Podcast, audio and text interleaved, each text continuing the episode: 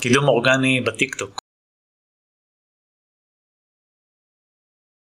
אז קודם כל אני אפתח ואגיד, אני ממש לא איזה גורו או מומחה גדול בטיקטוק, אבל מניסיוני עם הפלטפורמה למדתי שם כמה דברים ולמדתי כמה היא שונה גם מרשתות אחרות. אז אחד הדברים שהכי משפיעים על נושא הווירליות בטיקטוק זה משך הצפייה של הסרטונים. כמה אנשים נשארים עד סוף הסרטון שלכם. זה בעצם משפיע אם טיקטוק ירחיבו את מעגל החשיפה של הסרטון לאנשים אחרים מחוץ למעגל החברים שלכם, מה שנקרא for you המפורסם בטיקטוק. אז גם אם אתם מייצרים נגיד סרטונים מאוד מאוד קצרים של 3-4 שניות ואנשים, אחוז גדול מהם נשארים וצופים עד הסוף, טריק מגניב שעובד, אני ניסיתי את זה, ככה להגדיל את מעגל החשיפה. חשיפה, לייקים, עוקבים, כל מה שאתם רוצים להשיג משם. אז אפשר גם לעשות סרטונים כאלה מדי פעם. והעניין של ההוקים, הוקים זה אומר לתפוס את הבן אדם, ממש בהתחלה, בשניות הראשונות של הסרטון, ולהסביר לו מה הולך לצאת לו מזה שהוא צופה בסרטון שלך. ממש לתת את הטיזר הזה, נגיד שלוש דרכים להוריד במשקל תוך עשרה ימים, משהו כזה. לתפוס טוב את הבן אדם, את הקשב שלו, כי היום ההפרעות קשב וריכוז ברשת זה, זה מטורף.